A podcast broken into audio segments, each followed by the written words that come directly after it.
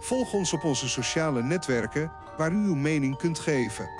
In de beschrijving vindt u de e-mails waarmee u uw verhalen kunt verzenden als u deze wilt delen. Ik waardeer je voorkeur. We horen van je in de volgende aflevering. Macabere Latijnse verhalen en meer.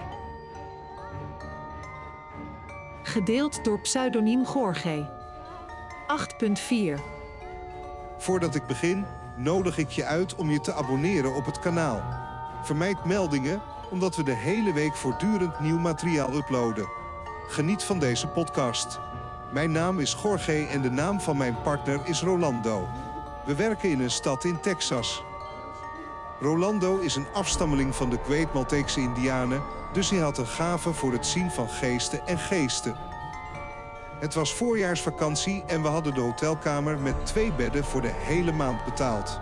We woonden drie uur rijden van deze stad en we hadden allebei een gezin, dus gingen we op vrijdagmiddag naar huis en op zondagavond naar het hotel. Op een voorjaarsvakantie zondag verhuurde de hotelmanager onze kamer aan een paar grinko's en verontschuldigde zich alleen. Ze vertelde ons dat we voor die nacht een ander hotel moesten zoeken en gaf ons het geld om ervoor te betalen, aangezien we het al aan haar hadden betaald. We bevonden ons alleen en maakten ons klaar om te slapen en ik viel eerst en daarna Rolando. Maar midden in de nacht maakte mijn vriend me wakker. Gorge, Gorge, sta op. Kijk, daar is die klootzak. Hij lag bovenop me, hij wurgde me. Sta op. Kom laten we gaan. Ik negeerde hem en zei dat hij gewoon moest gaan slapen. Een moment nadat ik in slaap was gevallen, voelde ik iets heel zwaars op mijn lichaam. En ik had ook het gevoel dat ik mezelf aan het ophangen was. Ik opende mijn ogen en keek naar Rolando en hij zag mij. In mijn wanhoop wilde ik schreeuwen en bewegen, maar ik kon het niet. Toen het me eindelijk lukte om te bewegen, vroeg ik Rolando wat er was gebeurd.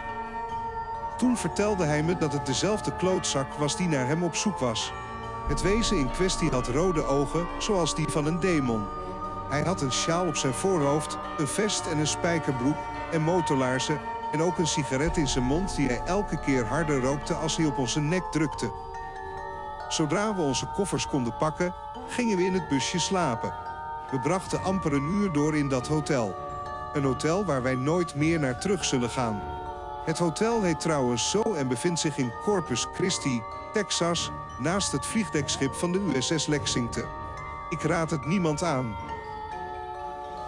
Gedeeld door pseudoniem Emmanuel Sanchez. 7. Het was maandag 13 april 2010 en het was rond 22 uur 30. Op dat moment was hij nog maar 7 jaar oud. Die avond waren we God aan het prijzen, maar ik moest mijn behoefte doen. Daarom vroeg ik een zuster uit de kerk of zij het buitenlicht voor mij aan wilde doen. Ik ging naar buiten en voelde iets achter me. Het was een beetje huiveringwekkend. En ik draaide me om en zag dat de bomen op de berg trilden. Opeens sprong er iets tussen hen uit. Ik geloofde niet in die dingen, maar hij was een demon. Het had vleugels, hoorns en een zwarte huid. Hij vloog langs mij heen en wees naar mij. Ik vertelde het aan mijn tante en mijn neven en zo eindigde de zaak. Na twee dagen kreeg ik het gevoel dat ik van een afstand in de gaten werd gehouden. Es nachts klopte ze op mijn raam en ik ging naar buiten om het te vragen, maar er was niets. Ik vroeg me af wat dat was, want het volgde mij. Ik wist echt niet wat ik moest doen. Dus de tijd verstreek en ik droomde dat ik mijn familie pijn deed. Drie weken lang was het hetzelfde. Op een van die dagen was het de eerste keer in mijn leven dat ik huilde. Een oude dame had gedroomd en ik begreep niets omdat ze in een taal sprak die ik niet verstond. Ik vroeg hem wat hij wilde, maar hij lette niet op mij. De volgende dag stond ik op en keek naar mijn borst en ik had verschillende schrammen. Maar het vreemdste eraan is dat alleen ik ze kon zien. Er ging een maand voorbij en mijn grootvader, die overleden was, zei tegen mij: Wees niet bang. Wees sterk, je kunt dit aan, zoon. De droom van mijn grootvader ging voorbij en ik voelde een sterkere wind. En beetje bij beetje heb ik deze situatie overwonnen. Hartelijk dank voor het luisteren naar mijn verhaal. Gedeeld door pseudoniem Cheryl Matamoros. 7. Toen ik een keer met mijn grootvader sprak, vertelde hij me tussen het nerveuze gelach door dat hij de angst voor de harige hand had overwonnen. Hij vertelde me dat dit echt bestaat en dat ze hem hebben afgeschrikt. Hij vertelt dat hij, toen hij klein was, veel ruzie had met zijn jongere zusje en dat dat praktisch een geloofsbeleidenis was, aangezien hij haar bijna elke dag lastig viel om haar aan het huilen te maken.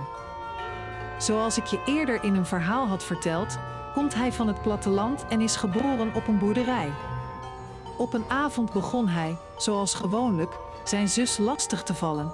Hij begon aan haar haar te trekken totdat het meisje er niet meer tegen kon.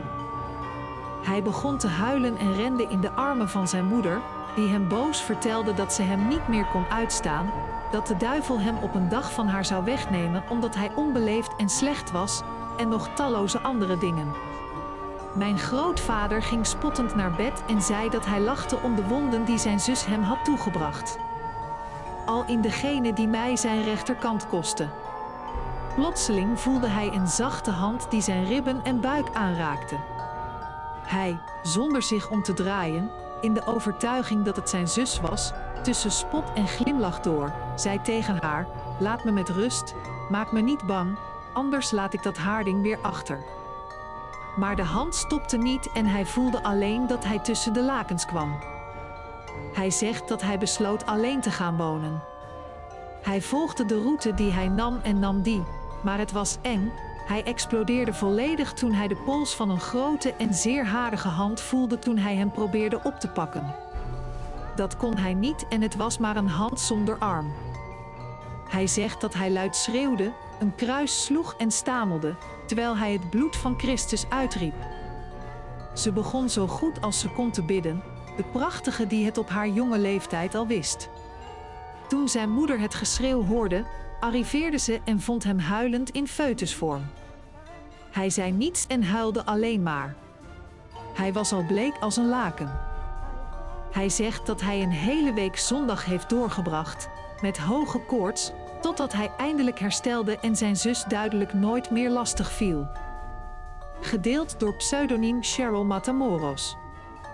7.1 Een vriend van mijn moeder weet dat ik dol ben op legendes en bovennatuurlijke verhalen over een jongen. Hij begon me dat toen te vertellen toen hij 11 of 12 jaar oud was. Hij had een ervaring met iets uit de hel. Hij merkt op dat hij geen aandacht aan zijn moeder besteedde, dat ze erg laat sliep. Ook stond hij laat op, deed geen boodschappen en was altijd op pad met zijn vrienden, onder meer aan het spelen. Dit alles totdat hij op een avond in de kamer lag te slapen rond drie of vier uur, toen hij van het ene op het andere moment zin kreeg om naar het toilet te gaan. Hij opstond en deed wat hij ging doen en terugging naar de badkamer. Badkamer, de kamer, toen hij plotseling iets in de duisternis zag lopen. Hij dacht meteen dat het een spin was, maar tegelijkertijd dacht hij dat het een spin van dat formaat was. Hij dacht dat de duisternis en de slaap hem misschien voor de gek hielden, dus hij kon zich maar beter klaarmaken om te gaan slapen. Dat deed hij toen hij een geluid hoorde in de kast. Hij stond bang op en zag door de deur dat hij liep. Een grote harige hand. Het was zo zwart als de nacht en zag eruit als de hand van een orang-oetan, want het was duidelijk enorm. Hij stond versteend en kon geen woord uitbrengen. Ik herinner me dat ik het gevoel had dat ze over zijn lichaam liep en een groot gewicht voelde. Hij weet niet wat er daarna gebeurde en zegt dat hij de volgende dag wakker werd met hoge koorts. Hij bracht ongeveer een maand door zonder te kunnen praten en zijn moeder dacht dat hij voor het leven zou blijven. Tegenwoordig vertelt hij het als een grap en zegt dat de duivel me destijds bang maakte omdat ik lui was. Gedeeld door pseudoniem Eduardo Gil. 8. Toen ik klein was, vertelde mijn moeder me horrorverhalen, zodat ik me niet slecht zou gedragen of ruzie zou krijgen met mijn zus. In bepaalde periodes van het jaar waren we vatbaar voor ruzies tussen ons en deze namen voortdurend toe. Dus op een gegeven moment hoorde mijn moeder ons praten en ze vertelde ons dit lang geleden, toen haar grootouders, ooms en ik in het oude huis in Sapopan woonden. Deze was heel oud, aangezien grootvader hem heel goedkoop had gekocht.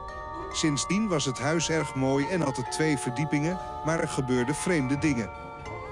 Eén keer kregen je tante en ik ruzie en het was rond 22 uur. Mijn ouders waren, zoals altijd, aan het rommelen en we hadden ruzie. Opeens hoorden we het op de keukenplaten vallen. We gingen kijken en er was niets, dus kwamen we terug. Na een tijdje kregen we opnieuw ruzie en gebeurde hetzelfde. De derde keer dat we dit deden hoorden we kettingen door het huis gaan. We gingen snel met mijn moeder naar beneden en omhelsten haar. We waren doodsbang sinds we nog maar een paar jaar oud waren. We waren behoorlijk bang en je grootmoeder schold ons uit omdat we ruzie hadden. Daar hoorden we weer dat de vaat viel. We gingen en er was niets, maar nu had mijn moeder ze gehoord. Vanaf die dag hebben we geen ruzie meer gehad. Zelfs die nacht sliepen we bij mijn ouders.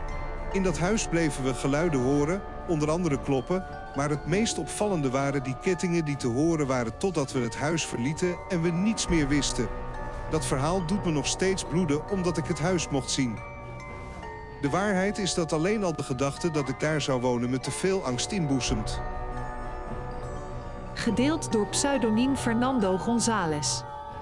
8.4 Ik wil een ervaring delen. Mijn zus was ongeveer 12 en ik was toen 6. Onze chauffeur was een meter dood. Mijn zus was ziek en had hoge koorts. Tijdens haar ziekte draaide ze zich om naar een van de kastdeuren en wees met gebaren naar mijn vader. Wat heeft hij hem verteld? Was wat er gebeurde. Mijn moeder en ik draaiden ons om en plotseling begon een klein meisje te huilen. We waren allemaal bang en mijn vader pakte een rozenkrans en we begonnen samen te bidden, omdat mijn ouders zich hier niet veel van aantrokken en beetje bij beetje vergaten we over dit alles. Op een andere dag, rond drie uur, schoot mijn zusje uit haar wiegje. Het was alsof iemand haar veto had uitgesproken. Ze viel heel hard en spleet haar kin. Op dat moment werden voetstappen gehoord en werd ik wakker, net als mijn ouders. We draaiden ons om en zagen een meisje de hand van Pancho de Chupete vasthouden en vreselijk lachen. De volgende dag ging een vrouw naar het huis om schoon te maken. Uiteindelijk hebben we dat allemaal weggedaan. Hartelijk dank voor het luisteren naar mijn verhaal. Gedeeld door pseudoniem Esteran Duran. 4. Ik heb mezelf altijd beschouwd als een persoon die gevoelig is voor al deze paranormale zaken. Ik lees, studeer en leer graag een beetje over alles en ik zal je dit verhaal snel vertellen. Misschien lijkt dit op een film. Ik beëindig een vierjarige relatie met mijn vriend. Van die vier jaar drie. We leven samen en verhuizen naar Staten voor werk.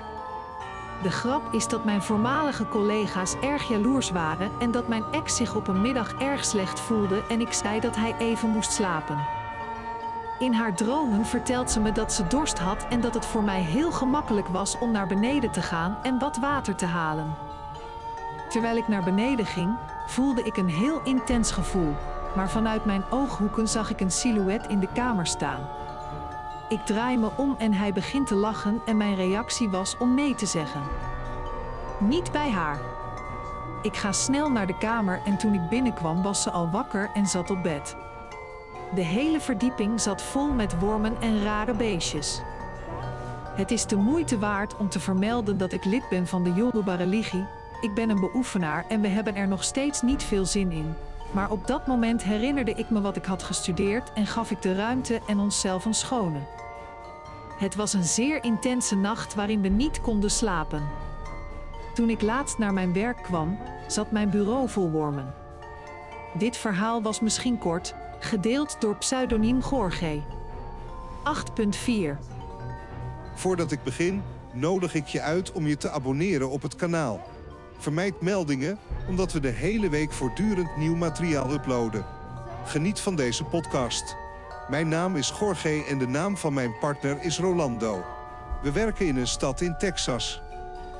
Rolando is een afstammeling van de Great Malteekse Indianen, dus hij had een gave voor het zien van geesten en geesten. Het was voorjaarsvakantie en we hadden de hotelkamer met twee bedden voor de hele maand betaald. We woonden drie uur rijden van deze stad en we hadden allebei een gezin, dus gingen we op vrijdagmiddag naar huis en op zondagavond naar het hotel. Op een voorjaarsvakantie zondag verhuurde de hotelmanager onze kamer aan een paar grinko's en verontschuldigde zich alleen. Ze vertelde ons dat we voor die nacht een ander hotel moesten zoeken en gaf ons het geld om ervoor te betalen, aangezien we het al aan haar hadden betaald. We bevonden ons alleen en maakten ons klaar om te slapen en ik viel eerst en daarna Rolando. Maar midden in de nacht maakte mijn vriend me wakker. Gorge, Gorge, sta op. Kijk, daar is die klootzak. Hij lag bovenop me. Hij wurgde me. Sta op. Kom, laten we gaan. Ik negeerde hem en zei dat hij gewoon moest gaan slapen. Een moment nadat ik in slaap was gevallen, voelde ik iets heel zwaars op mijn lichaam. En ik had ook het gevoel dat ik mezelf aan het ophangen was. Ik opende mijn ogen en keek naar Rolando en hij zag mij. In mijn wanhoop wilde ik schreeuwen en bewegen, maar ik kon het niet. Toen het me eindelijk lukte om te bewegen, vroeg ik Rolando wat er was gebeurd. Toen vertelde hij me dat het dezelfde klootzak was die naar hem op zoek was. Het wezen in kwestie had rode ogen, zoals die van een demon. Hij had een sjaal op zijn voorhoofd, een vest en een spijkerbroek en motorlaarzen en ook een sigaret in zijn mond die hij elke keer harder rookte als hij op onze nek drukte. Zodra we onze koffers konden pakken, gingen we in het busje slapen. We brachten amper een uur door in dat hotel. Een hotel waar wij nooit meer naar terug zullen gaan. Het hotel heet trouwens zo en bevindt zich in Corpus Christi, Texas, naast het vliegdekschip van de USS Lexington. Ik raad het niemand aan. Gedeeld door pseudoniem Emmanuel Sanchez. 7. Het was maandag 13 april 2010 en het was rond 22 uur 30. Op dat moment was hij nog maar 7 jaar oud.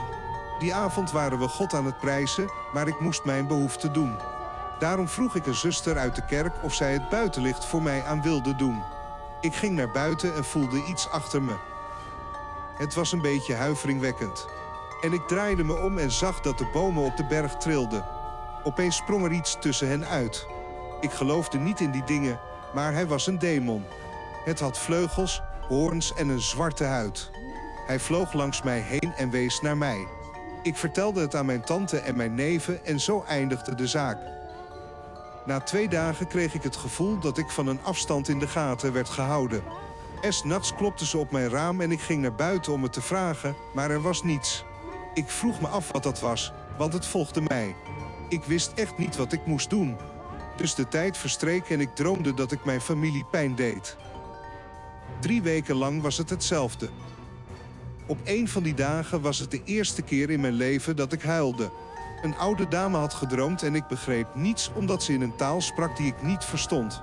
Ik vroeg hem wat hij wilde, maar hij lette niet op mij. De volgende dag stond ik op en keek naar mijn borst en ik had verschillende schrammen. Maar het vreemdste eraan is dat alleen ik ze kon zien. Er ging een maand voorbij en mijn grootvader, die overleden was, zei tegen mij: Wees niet bang. Wees sterk, je kunt dit aan, zoon. De droom van mijn grootvader ging voorbij en ik voelde een sterkere wind. En beetje bij beetje heb ik deze situatie overwonnen. Hartelijk dank voor het luisteren naar mijn verhaal. Gedeeld door pseudoniem Cheryl Matamoros. 7.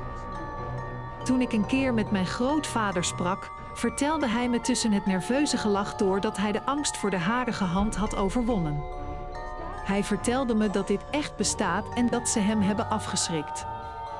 Hij vertelt dat hij, toen hij klein was, veel ruzie had met zijn jongere zusje en dat dat praktisch een geloofsbeleidenis was, aangezien hij haar bijna elke dag lastig viel om haar aan het huilen te maken. Zoals ik je eerder in een verhaal had verteld, komt hij van het platteland en is geboren op een boerderij. Op een avond begon hij, zoals gewoonlijk, zijn zus lastig te vallen. Hij begon aan haar haar te trekken totdat het meisje er niet meer tegen kon. Hij begon te huilen en rende in de armen van zijn moeder, die hem boos vertelde dat ze hem niet meer kon uitstaan, dat de duivel hem op een dag van haar zou wegnemen omdat hij onbeleefd en slecht was, en nog talloze andere dingen. Mijn grootvader ging spottend naar bed en zei dat hij lachte om de wonden die zijn zus hem had toegebracht. Al in degene die mij zijn rechterkant kostte.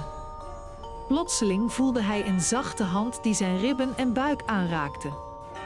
Hij, zonder zich om te draaien, in de overtuiging dat het zijn zus was, tussen spot en glimlach door, zei tegen haar: Laat me met rust, maak me niet bang, anders laat ik dat haarding weer achter. Maar de hand stopte niet en hij voelde alleen dat hij tussen de lakens kwam. Hij zegt dat hij besloot alleen te gaan wonen. Hij volgde de route die hij nam en nam die, maar het was eng. Hij explodeerde volledig toen hij de pols van een grote en zeer harige hand voelde toen hij hem probeerde op te pakken. Dat kon hij niet en het was maar een hand zonder arm. Hij zegt dat hij luid schreeuwde, een kruis sloeg en stamelde, terwijl hij het bloed van Christus uitriep. Ze begon zo goed als ze kon te bidden, de prachtige die het op haar jonge leeftijd al wist. Toen zijn moeder het geschreeuw hoorde, arriveerde ze en vond hem huilend in foetusvorm. Hij zei niets en huilde alleen maar. Hij was al bleek als een laken.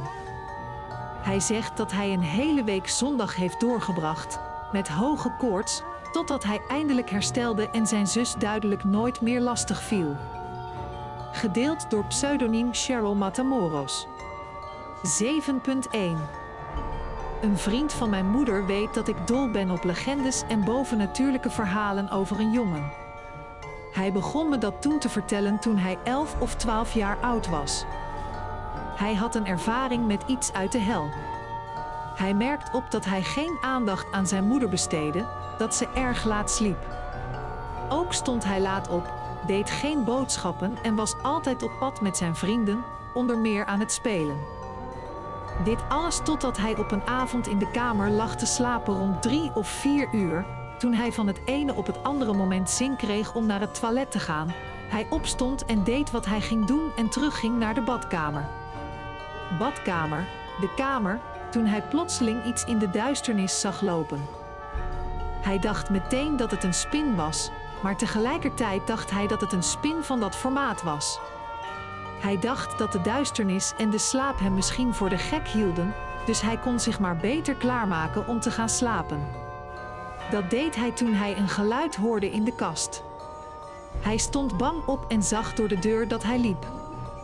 Een grote harige hand. Het was zo zwart als de nacht en zag eruit als de hand van een orang-oetan, want het was duidelijk enorm. Hij stond versteend en kon geen woord uitbrengen. Ik herinner me dat ik het gevoel had dat ze over zijn lichaam liep en een groot gewicht voelde. Hij weet niet wat er daarna gebeurde en zegt dat hij de volgende dag wakker werd met hoge koorts. Hij bracht ongeveer een maand door zonder te kunnen praten en zijn moeder dacht dat hij voor het leven zou blijven. Tegenwoordig vertelt hij het als een grap en zegt dat de duivel me destijds bang maakte omdat ik lui was. Gedeeld door pseudoniem Eduardo Gil. 8. Toen ik klein was, vertelde mijn moeder me horrorverhalen, zodat ik me niet slecht zou gedragen of ruzie zou krijgen met mijn zus. In bepaalde periodes van het jaar waren we vatbaar voor ruzies tussen ons en deze namen voortdurend toe. Dus op een gegeven moment hoorde mijn moeder ons praten en ze vertelde ons dit lang geleden, toen haar grootouders, ooms en ik in het oude huis in Zapopan woonden. Deze was heel oud, aangezien grootvader hem heel goedkoop had gekocht. Sindsdien was het huis erg mooi en had het twee verdiepingen, maar er gebeurden vreemde dingen. Eén keer kregen je tante en ik ruzie en het was rond 22 uur. Mijn ouders waren, zoals altijd, aan het rommelen en we hadden ruzie. Opeens hoorden we het op de keukenplaten vallen. We gingen kijken en er was niets, dus kwamen we terug. Na een tijdje kregen we opnieuw ruzie en gebeurde hetzelfde. De derde keer dat we dit deden hoorden we kettingen door het huis gaan. We gingen snel met mijn moeder naar beneden en omhelsten haar. We waren doodsbang sinds we nog maar een paar jaar oud waren. We waren behoorlijk bang en je grootmoeder schold ons uit omdat we ruzie hadden. Daar hoorden we weer dat de vaat viel. We gingen en er was niets, maar nu had mijn moeder ze gehoord. Vanaf die dag hebben we geen ruzie meer gehad. Zelfs die nacht sliepen we bij mijn ouders. In dat huis bleven we geluiden horen, onder andere kloppen, maar het meest opvallende waren die kettingen die te horen waren totdat we het huis verlieten en we niets meer wisten. Dat verhaal doet me nog steeds bloeden omdat ik het huis mocht zien. De waarheid is dat alleen al de gedachte dat ik daar zou wonen me te veel angst inboezemt. Gedeeld door pseudoniem Fernando González. 8.4 Ik wil een ervaring delen. Mijn zus was ongeveer 12 en ik was toen 6. Onze chauffeur was een meter dood. Mijn zus was ziek en had hoge koorts. Tijdens haar ziekte draaide ze zich om naar een van de kastdeuren en wees met gebaren naar mijn vader. Wat heeft hij hem verteld? Was wat er gebeurde. Mijn moeder en ik draaiden ons om en plotseling begon een klein meisje te huilen. We waren allemaal bang en mijn vader pakte een rozenkrans en we begonnen samen te bidden. Omdat mijn ouders zich hier niet veel van aantrokken en beetje bij beetje vergaten we over dit alles. Op een andere dag, rond drie uur, schoot mijn zusje uit haar wiegje. Het was alsof iemand haar veto had uitgesproken. Ze viel heel hard en spleet haar kin.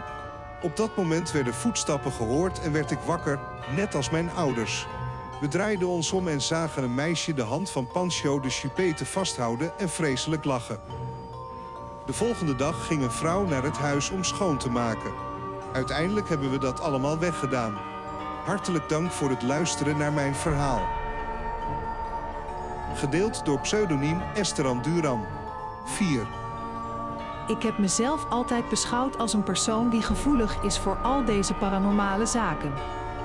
Ik lees, studeer en leer graag een beetje over alles en ik zal je dit verhaal snel vertellen. Misschien lijkt dit op een film. Ik beëindig een vierjarige relatie met mijn vriend. Van die vier jaar drie. We leven samen en verhuizen naar Staten voor werk. De grap is dat mijn voormalige collega's erg jaloers waren en dat mijn ex zich op een middag erg slecht voelde en ik zei dat hij even moest slapen. In haar dromen vertelt ze me dat ze dorst had en dat het voor mij heel gemakkelijk was om naar beneden te gaan en wat water te halen. Terwijl ik naar beneden ging, voelde ik een heel intens gevoel, maar vanuit mijn ooghoeken zag ik een silhouet in de kamer staan. Ik draai me om en hij begint te lachen en mijn reactie was om nee te zeggen. Niet bij haar.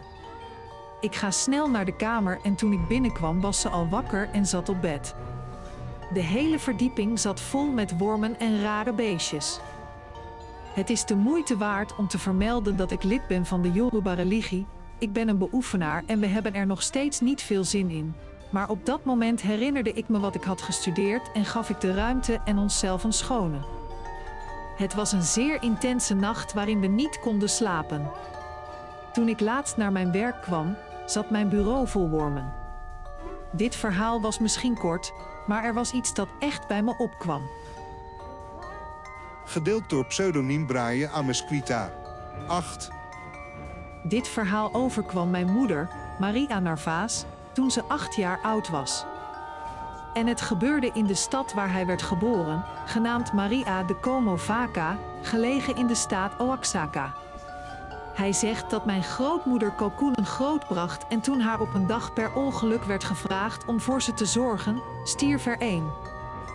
Mijn moeder, bang dat mijn grootmoeder haar zou uitschelden, schilderde het dode dier in de struiken, maar toen ze na een tijdje terugging om te kijken of de kalkoen er nog was, kon ze hem niet vinden. Toen hij naar hem keek, zag hij een heel lange man, gekleed als Charo, met gouden laarzen en een enorme hoed die het grootste deel van zijn ogen bedekte. Mijn moeder zegt dat ze maar een deel van zijn baard heeft kunnen zien. Hij begon meteen te rennen en toen hij zich omdraaide om te kijken of de droogte niets zag, kwamen ze bij het huis aan. Hij vertelde alles wat er gebeurd was. Mijn grootmoeder vertelde hem dat hij de duivel was, vermomd als Charo.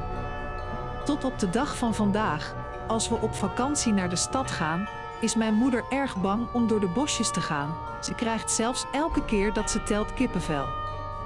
Dit is iets dat ik nooit zal vergeten. Gedeeld door pseudoniem Javier Caspar. 8. Ik heb een klein verhaal. Ik kom oorspronkelijk uit Peru, uit de stad Junin, Huancayo. Op een dag gingen ik en mijn vrienden op bezoek bij een vriend die thuis lag te rusten omdat hij een knieblessure had opgelopen. We brachten veel tijd door met praten, vragen hoe de blessure was, hoe hij zich voelde en dat soort dingen. Hoe dan ook, het werd donker en het was tijd om te vertrekken. Toen we zijn huis verlieten was het erg koud. Ik voelde plotseling een koude rilling die van mijn hoofd naar mijn voeten kwam. We liepen terug, omdat er niet veel voertuigen rond de site zijn. Toen we onderweg waren, zagen we een man zitten op een van de wegen waar we vandaan kwamen. We waren allemaal verrast om elkaar te zien en ik had geen idee wie het kon zijn. Dus gingen we wat dichterbij staan om het beter te kunnen zien. Toen we dichterbij kwamen, stopte de man en begon te lopen. We volgden hem, maar we konden hem niet inhalen. Terwijl we het probeerden, zag een vrouw ons in de verte en vroeg ons wat we nu aan het doen waren. We vertelden haar wat we hadden gezien en ze waarschuwde ons alleen dat we niet dichterbij moesten komen, want dat is een geest en die kan je veel kwaad doen. Hij nam afscheid en vertrok en wij gingen naar onze huizen. Toen ik mijn kamer binnenkwam om te slapen. Volg ons, abonneer je en deel op YouTube.